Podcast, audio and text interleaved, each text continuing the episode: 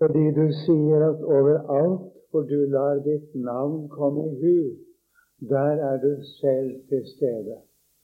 Så skal vi få lov å regne med at du er her nå, og at du hører oss nå når vi ber. Det er i ditt navn og ikke i vårt eget vi kommer til deg. Og det er i ditt navn vi ber med den rett som du selv har gitt oss til å be. Og du sier endog i ditt ord at vi skal få lov å be med en freidig frimodighet til deg. Nå er det en iblant oss, Herre, som ber om forbønn, og som vi vil be for nå. En som er redd for, eller kanskje frykter for å bli syk, og synes at vedkommende kjenner et eller annet tegn på at det kan være noe som ikke er i orden. Jeg ber at vedkommende som jeg nå ber for, ikke må bli syk at du vil spare vedkommende for det å bli syk. Det ber jeg om i ditt navn. Og så takker jeg deg, Herre, fordi jeg får lov å tro at dette hører du. For det vi ber om i ditt navn, det hører du, Herre. Og så vil jeg be om at du gir meg alt det jeg skal bære frem i dag. Det må komme fra deg, Herre. Ellers er det ikke noe hjelp i det. Og jeg ber at du vil tale til vårt hjerte slik at det blir til åndelig hjelp for oss.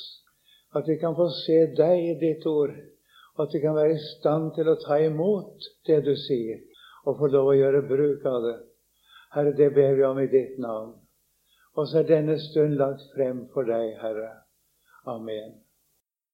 Som jeg allerede har nevnt, så er det fra 1. Johannes brev og det femte kapittel vi skal lese. Og jeg begynner for sammenhengens skyld på vers 5.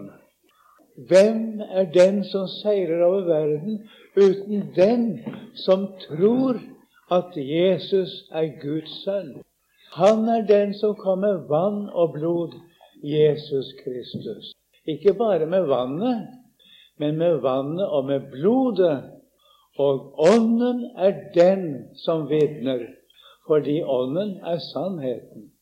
For de er tre som vitner.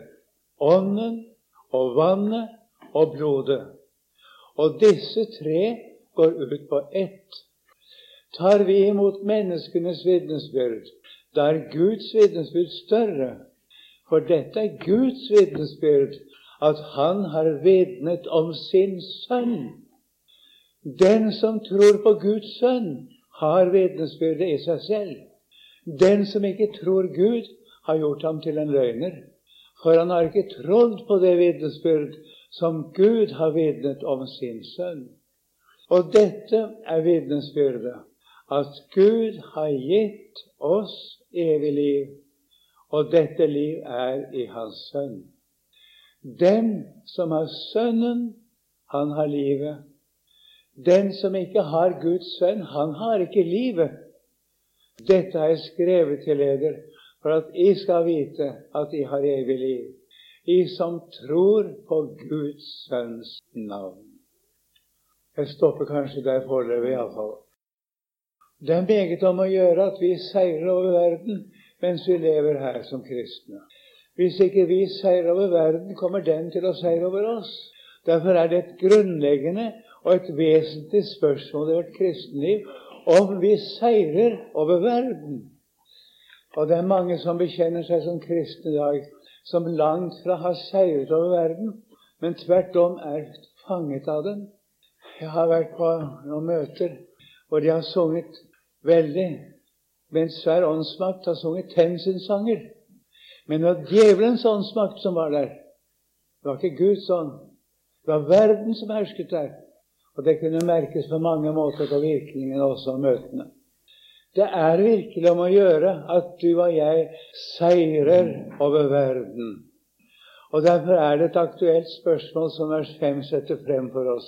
Hvem er den som seirer over verden uten den som tror? Og dere vet jo, det er ikke noe intellektuelt. Men det står at tale om tro i Nytestamentet, så er ikke det et intellektuelt begrep, men det er et hjertets begrep. Det er et åndelig begrep. Og Det betyr at vi har tatt vår tilflukt til, at vi stoler på, at vi regner med at vi ikke viker tilbake fra Jesus Kristus. Og den som seirer over verden, er den som tror, regner med at Jesus er Guds sønn. Det er mye tale om Jesus i vår tid, men det er ikke meget tale om Guds sønn. At Jesus selv er Gud kommet i kjød, det ble det ikke talt om. Selve ordet Gud, uttrykket Guds sønn kan bli nevnt, men det er ofte tydelig at det er ikke i den forstand som det nevnes i Skriften. Og det er jo det det kommer an på. At vi taler om Guds sønn slik som det er ment i Det nye testamentet. Det er den Guds sønn vi tror på, har satt vår lit til. Det er Jesus som er Guds sønn.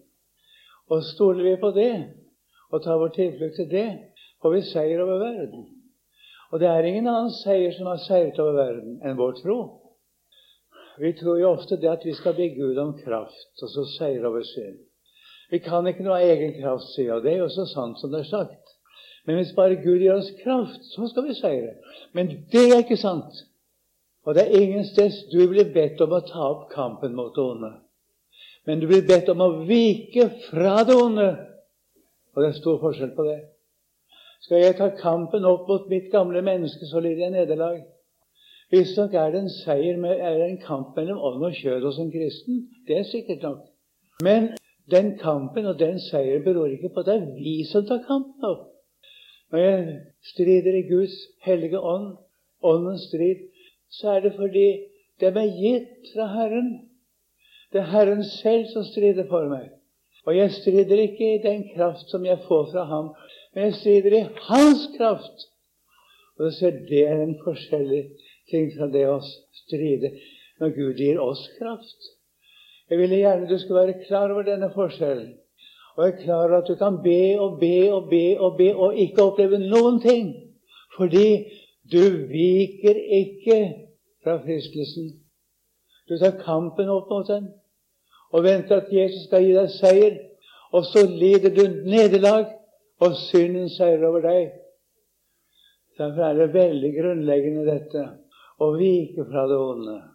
Og være klar over at det er i Jesus Kristus vi seirer. Og den seieren den ligger rett foran oss. Og Herren har gitt oss den. Han stred for oss på korset. Og han er den som kom med vann og blod i Jesus Kristus. Han kom med vann og med blod, står det. Ikke bare med vannet, men med vannet og med blodet. Og dette ordet har jo en bestemt adresse, som jeg forresten antydet også forrige gang. Derimot en bestemt vranglære som er meget utbredt i Lilleasia, og som apostelen Johannes tok meget sterkt avstand fra, og som han kjempet drabelig imot. Det var en som het Kerint, som lærte det at Jesus han var ikke Guds sønn av fødsel, men han ble Guds sønn med dåpen. Da kom nemlig Ånden ned fra himmelen og forbandt seg med mennesket Jesus. Og så var han Guds sønn, fordi Ånden fra himmelen var forbundet med ham så lenge han levde her, og handlet og talte og gjorde undergjerninger osv. Inntil han skulle dø på korset. Da vek Ånden fra ham igjen, og det var mennesket Jesus som døde, ikke Guds sønn. Det høres pent ut. Og Begrunnelsen var den at Gud er evig. Han kan ikke dø. Og går ikke an å si at Gud døde. Og så er det jo nettopp det Guds ord sier. Det står til og med i akta, apostlenes gjerning, kapittel 19, at Gud utga sitt blod. Så sterkt er det sagt. Og det er mot dette han sier det at han kom ikke bare med vannet. Jesus kom ikke bare i dåpen. Det er riktig at han gikk i dåpen. Han kom med vannet, og det skal vi være glad for. For det som skjedde i Jesu dåp, det har jeg jo nevnt før, det er at han, Guds egen sønn, bekjente alle våre synder som sine. Han sa det i dåpen, i bekjennelsen som han ga Johannes i dåpen. Han ble døpt på synsbekjennelse, Jesus også, som alle andre som kom til Johannes-dåpen. De kom for å bekjenne synd, og det gjorde Jesus mer enn noen annen. Han bekjente at alt det som mennesker har forbrutt og gjort, det må du kreve av meg. Det er jeg som fra nå har ansvaret for alle mennesker. Og det er store ting. Dette har Jesus bekjent i dåpen. Han kom med vannet. Det gjorde han. Og det er sikkert nok. Og det skal du og jeg bare tenke på med takk i vårt hjerte. Og vi skal gjøre bruk av det. Når synden anklager oss, som den ofte må, når Den hellige ånd avslører oss, som han ofte må, og viser oss hvem vi er i oss selv, og hva vi er i oss selv For det må han gjøre. Det kan ikke han slutte med. Så skal du vite at den som er ansvarlig for det du ser, det er Guds egen sønn. Han kom med vannet, men han kom ikke bare med vannet. Han kom med vannet og med blodet. Han døde på korset for våre synder. Og med sitt blod fridde han oss ut. Han ga seg selv for oss. Er det rettferdighet å få ved loven? Da er Kristus død forgjeves. Men det er ingen rettferdighet å få ved loven, ved ord om hva vi skal være eller gjøre. Og det er ingen rettferdighet å få om vi ber Gud tusen ganger om kraft. Men det er ved Jesu blod. Der ble vi fri. Han kjøpte oss fri fra våre synder med sitt eget blod, og det skjedde på korset. Derfor, da han måtte gå ned i dødsriket, kunne ikke dødsriket holde på ham. Det står jo det at den som er rettferdig etter loven, skal leve. Det er én som er rettferdig etter loven. Og det var han som bar ansvaret for våre synder. Han er rettferdig etter loven. Da han kom i dødsriket, kunne ikke dødsriket holde på ham. For han hadde retten som Gud har tilsagt mennesket som holder loven. Han hadde retten til å leve. Og det viste seg den tredje dag etter han var død. Han sto opp igjen fra de døde. Og da het det at Gud oppvakte ham fra de døde. Visstnok har Jesus også sagt det at han kunne ta sitt liv igjen om han ville. Men det er ikke bare det, han, det som skal betones her. Men Gud oppvakte ham fra de døde fordi nemlig han er rettferdig og fullkommen. Og den rettferdighet som Jesus legger for dagen i sin oppstandelse, det er din og min rettferdighet for Gud. Så kan vi jo spørre deg, hva med oss da? Gud regner ikke med oss. Vi er satt ut av betraktning for alle tider. Vi er korsfestet med Kristus. Da Jesus døde, da døde du og jeg i Guds øyne. Vi døde med ham på korset. Én er død for alle, derfor er de alle døde. Så han ser ikke på oss på den måten. Han ser oss, men han anser oss ikke etter det vi er i oss selv. Han anser oss, han regner med oss etter det som vi er i Guds sønn. Derfor er det svært så viktig, det som står her om et tredobbelt vitnesbyrd. Ånden er den som vitner, står det. Det er ikke riktig å si at Jesus fikk Guds ånd i dåpen. Det er ikke det det står. Det står at Ånden er den som vitner, fordi Ånden er sannhet. Å si at Jesus fikk Guds ånd, det er å, å ringakte ham, det. Da er han jo ikke Guds sønn, da. Dette er jo ting som vi egentlig ikke forstår. Ser du? Derfor uttrykker vi oss så merkelig og rart mange ganger, selv om det kan være godt ment så uttrykker vi oss ubibelsk, og det skal vi ikke gjøre, helst. Jesus sa om Den hellige ånd når talsmannen kommer, som jeg skal sende eder fra Faderen, sannhetens ånd, som utgår fra Faderen, han skal vitne om meg. Det er Den hellige ånds gjerning. Og Ånden er den som vitner.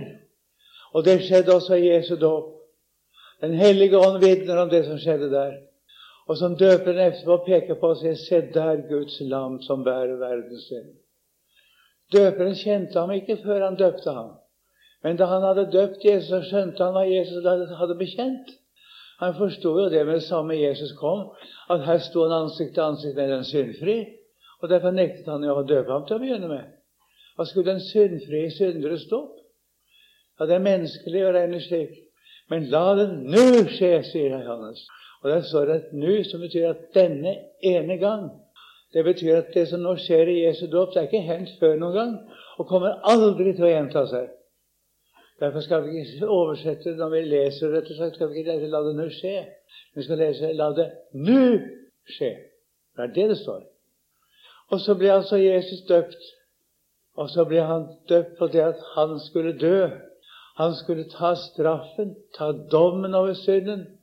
Og Gud iverksatte hele dommen over synden på Jesus. Og vi skjønner jo det når du ser den angst som du møter hos Jesus før døden.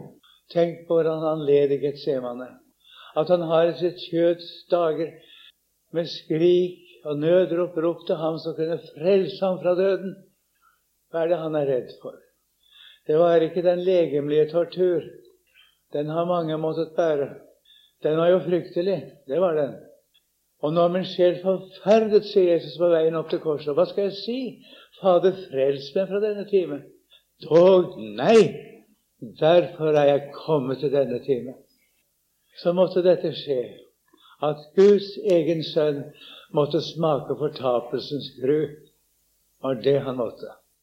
var det han gruet for. Han måtte ta konsekvensen av vår synd, og det er fortapelsen, det. Den måtte han smake. Men at denne fortapelsens gru traff Jesus, traff den et menneske som holder mål etter loven, Guds hellige lov. Og så sto han opp igjen. Han kunne ta sitt liv igjen, ja. Og Gud oppvakte ham fra de døde for å vise det. Han er rettferdig. Og så ble våre synder og dommen liggende igjen i graven. Jeg ser mitt skyldebrev, står det en salme til korset naglet ble. Og i din grav i haven, der er min synd begraven til evig skjul og hjemme. Og det er sant. Det er det Guds ord sier. Og det er det som vi så sjelden hører i dag. Jeg hører stadig på radioandakter jeg vil si at noen av dem er jo troende mennesker, da, og de taler for så vidt Guds ord på en måte, da. Men ikke slik at noen kan bli frelst ved det. Du må høre alt Guds ord og hele Guds råd. Og det er det apostelen Paulus sier til Efesermenigheten siste gang han er sammen med dem. Jeg har ikke holdt noe tilbake. Jeg forkynte dere hele Guds råd. Og det hele Guds rådet betyr alt om Kristus. Det betyr ikke at han forkynte alt fra skapelsen til Johannes' åpenbaring. Det er noen som tolker det slik, men det er ikke meningen. Men det betyr at alt som er i Kristus, har Paulus forkynt. Han har ikke holdt noe tilbake, men alt ble forkynt.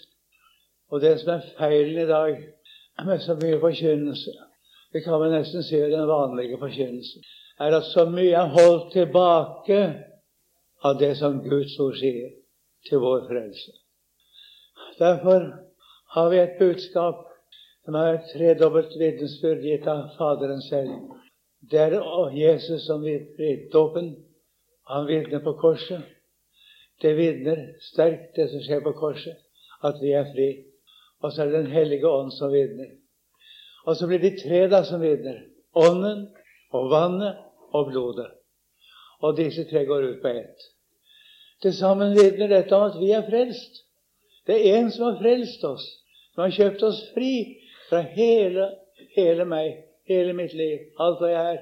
Alt hva jeg har tenkt, hva jeg har ment, hva jeg har følt, hva jeg har opplevd. Og alt hva jeg har forsømt. Han har kjøpt meg fri.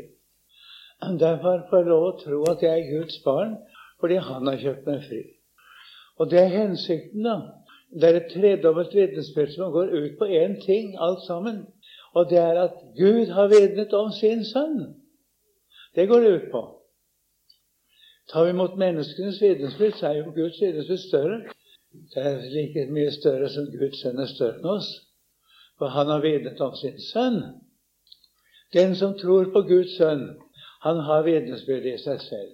For det som du tror på, slik som Guds ord ber deg om å gjøre, det eier du. Det som du tror på, det har du, sier Luther så ofte. Tror du, så har du det evige liv. Og det står jo klart i Johannes 6, 49 også, hvor Jesus sier den som tror, har evig liv. Han er frelst. Han skal ikke bli det engang, men han er allerede frelst. Og den frelsen, den skal vi få oppleve når vi skal gå ut av denne verden. Da skal vi se hva den er for noe. Det som du tror på, det som du setter din lit til. Og Du husker gjennomgikk og Salme 37 her for en tid siden. Og den slutter jo med det. Herren hjelper dem og utfrir dem.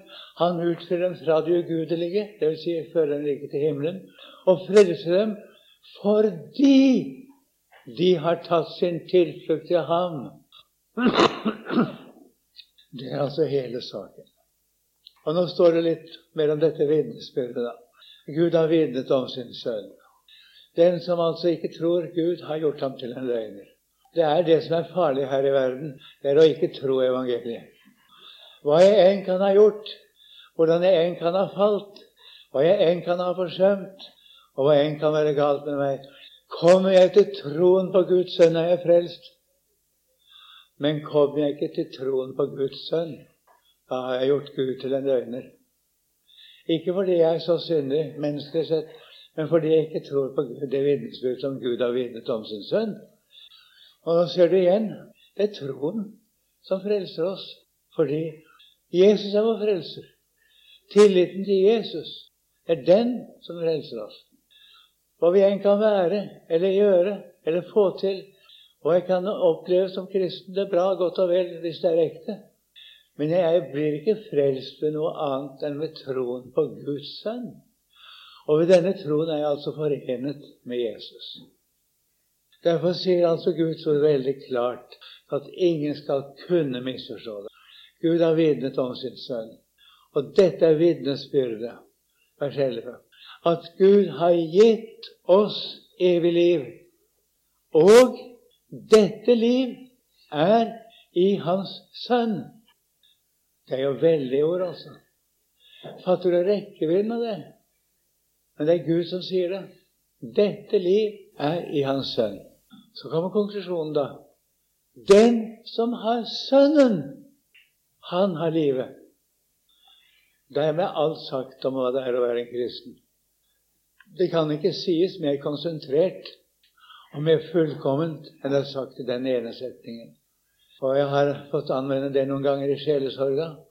Jeg har snakket med mange fromme mennesker, og mange mennesker som har vært regnet for å være gudfryktige, og mange som har ment om seg selv de har hatt store opplevelser. Så har det vist seg det at de var ikke frelst da det kom til stykket. De hadde ikke Guds sønn. De hadde ikke engang forstått budskapet om Guds sønn. Og det har vi mye av i vår tid. Jeg undres på når vi hører møter og taler og, og Jeg kan jo ikke si det er galt, det de sier. De sier ikke akkurat noe galt. Men de sier ikke nok. De sier ikke det som gjør, det er det avgjørende for frelsen.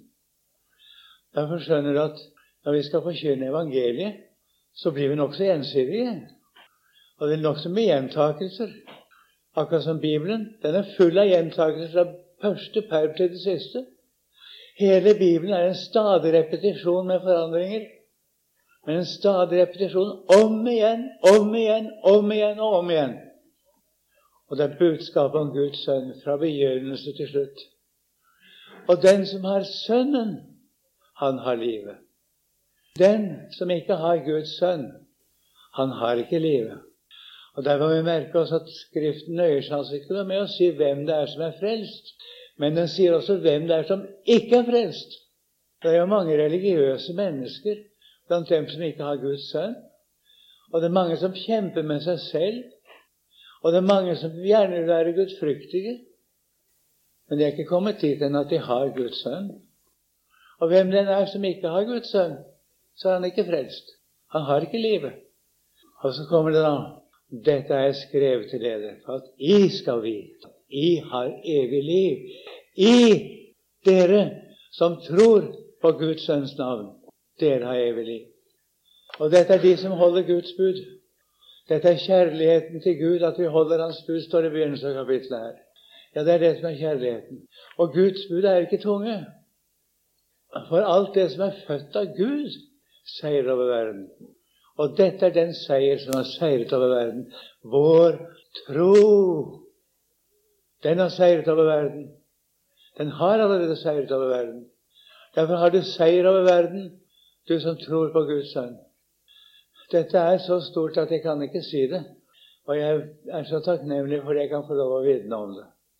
Og der er håpet som gir evig liv. Der er troen som frelser oss. Så sier dette kapitlet litt videre òg, jeg kan nevne noe av det. Dette er den frimodige tillit som vi har til ham, at dersom vi ber om noe etter Hans vilje, da hører Han oss. Og dersom vi vet at Han hører oss hva vi så ber om, Da vet vi at vi har de ting vi har bedt ham om. Når du ber om å komme til troen på Jesus, så ber du iallfall om å etter Guds vilje. Når du ber om Guds sønn Det er jo mange ting vi kan be om, og vi kan ikke alltid vite hva Gud vil at vi skal få eie og ha helt konkret. Vi har lov å be om alle ting. Hva vi trenger, det har vi lov å be om. Og det vi trenger, det får vi av ham. Det gjør vi. Men så kommer det et ord som er meget alvorlig. Dersom noen ser sin bror gjøre en synd som ikke er til døden, da skal han be. Og han, Jesus, vil gi ham liv. Jeg mener dem som ikke synder til døden. Det er synd til døden. Det er ikke om den jeg sier at han skal be. Enhver urettferdighet er synd. Og det er synd som ikke er til døden. Å fornekte Guds sønn, å fornekte evangeliet, dette som Jesus kaller å synde imot Den hellige ånd. Avvise Guds ånd når en er overbevist om at det er Ånden som taler til en. Fordi en ikke vil ha Guds ånd. Det er synd til døden. Å avvise Jesus, avvise det som han har gjort. Jeg ble forferdet her en dag jeg hørte noen sitater fra New Age i radio. Det var en klar avvisning av evangeliet. Jeg tenkte meg her er Antikrist. Jeg er ikke tvil om at det er Antikrist. Jeg hørte noe i dag også som forskrekket meg. Det var i radio, det òg. Nei, det var i Vårt Land, det. Astrid som leste for meg fra avisen i Vårt Land. Det var en som sa det, det var fra en på Modum. Man har sagt det at, at han kunne ikke skjønne at det måtte finnes andre veier også til Gud enn Jesus. Det er en klar avvisning av Jesus, det. En forferdelig synd, det, å si noe slikt. Jesus er veien, og det er ingen annen vei. Han er ikke en vei til Gud, men han er veien. Han er sannheten. Han er livet. Er verken vei eller sannhet eller liv utenom Jesus som fører til Gud. Og så skal en som skal være sjelesørger og skal være kjent som sjelesørger, si noe slikt. Det må være andre veier òg. Han hadde sett på en muslim som var så from. Og hvis du vil se fromhet, så kan du se på muslimer, sa det rett og svart. For det er en fromhet som du ikke ser maken til. altså. Og det finnes ingen oppofrelse i verden som ikke de gjør for sin fromhets skyld. Og det er rett og svart. Men de er ikke frelst. De har ikke samfunn med Gud. Og de tror ikke på Jesus. Men tvert om så avviser de det når de får høre det. De legger vekt på vår fromhet. Og det gjør mange. Det er mange som ikke bryr seg om det heller. da. De har en tro som ikke er verken det ene eller andre. De kjemper i det hele tatt ikke. De bare sier de er kristne. Så fortsetter de å leve i homofili og andre synder, selv om de bekjenner seg som kristne. Og det er Guds bespottelse. Og der gjelder altså dette at det er én vei. Det er Jesus. Det er én sannhet. Og han er sannheten. Han er livet. Vi vet at den som er født av Gud, synder ikke, sier Johannes videre her. Men den som er født av Gud, tar seg i vare, og den onde rører ham ikke. Og det er sant at djevelen får ikke makt over den som tar seg i vare. Da må han gi opp tapt. Derfor er det så viktig at vi viker fra synden. Vi tar oss i vare. Vi viker fra det onde. Vik fra ondt og gjør godt, står det så mange ganger i Bibelen. Det står ikke det at vi skal kjempe ned det onde, eller vi skal be Gud om kraft og seire over det onde. Jesus har seiret over det onde. Og den som har Jesus, har seieren. Den er i ham. Og vi har seier over djevelen. Og den som tar seg vare, han skal få oppleve at den onde, han rører ham ikke. Han kan true, han kan friste, han kan gjøre litt av hvert. Han kan ikke gjøre oss noe. Så står det til slutt i dette brevet vi vet at vi er av Gud, og hele verden ligger i det onde. Men vi vet at Guds sønn er kommet, og han har gitt oss skjønn, det er samme som forstand, til å kjenne den sanne. Gud selv, altså. Og vi er i den sanne, i Hans Sønn Jesus Kristus. Og så står det et merkelig ord. Denne, altså Jesus Kristus, er den sanne Gud og det evige liv. Mine barn, Vokt dere for avgud. Ja, det må vi i sannhet gjøre. Og de avgudene er farligst når vi lager dem selv. og mener at vi har hjemmel for det i Guds ord. Vokt dere for avgudene. Det er en prøvet mann som har skrevet dette brevet, og det er en mann som er fylt med Guds ånd. Det er det ingen tvil om. Og så, for å slutte, vil jeg si at jeg vil slutte med det som Johannes første brev begynner med. Det som var fra begynnelsen. Det som vi har hørt. Det som vi har sett med våre øyne. Det som vi skuet og våre hender følte på om livets ord. Og livet åpenbart, og vi har sett det, og vitner og forkynner det livet. Det evige som var hos Faderen og ble åpenbart for oss. Det som vi har sett og hørt, det forkynner vi og gleder. For at og ikke kan ha samfunn med oss. Men vårt samfunn er med Faderen og med Hans Sønn Jesus Kristus. Dere forstår at all åndelig fornyelse ligger å gå tilbake til begynnelsen, til opprinnelsen.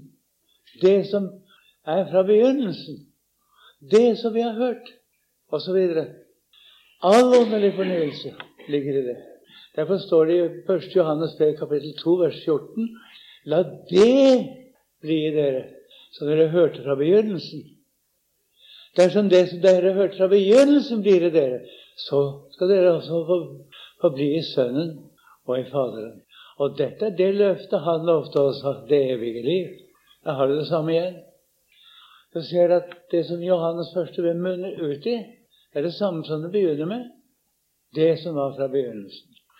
Og det er jo dette vi trenger å høre. Og så får vi høre her at skal vi ha samfunn med Faderen og med Hans Sønn Jesus Kristus, så må vi ha samfunn med apostlene. Hvis ikke vi har samfunn med apostlene, da har vi heller ikke samfunn med Gud og med Hans Sønn Jesus Kristus. Så Derfor er det så farlig, dette er vi stadig hører om. Vi må ha noe nytt. Vi må ha noe nytt. Vi må ikke ha noe gammelt. Det skal stadig være noe nytt. Og det skal stadig fornyelse av kristen forkynnelse, sier de. Jeg er enig i det. Men den fornyelse kommer bare ved å være i det som er fra begynnelsen. Så ser vi altså hvor Herren vil ha oss her. I Kristus. I evangeliet. I det som er fra begynnelsen. Jeg takker deg, vår Herre, vår Frelser for din Hellige Ånd, at han er med oss her på disse møtene. Jeg takker deg, du Guds sønn. Jeg takker deg, vår Far i himmelen. Jeg takker deg, du Hellige Ånd. Og så ber jeg om at vi får bli bevart i det som du ga fra begynnelsen. Amen.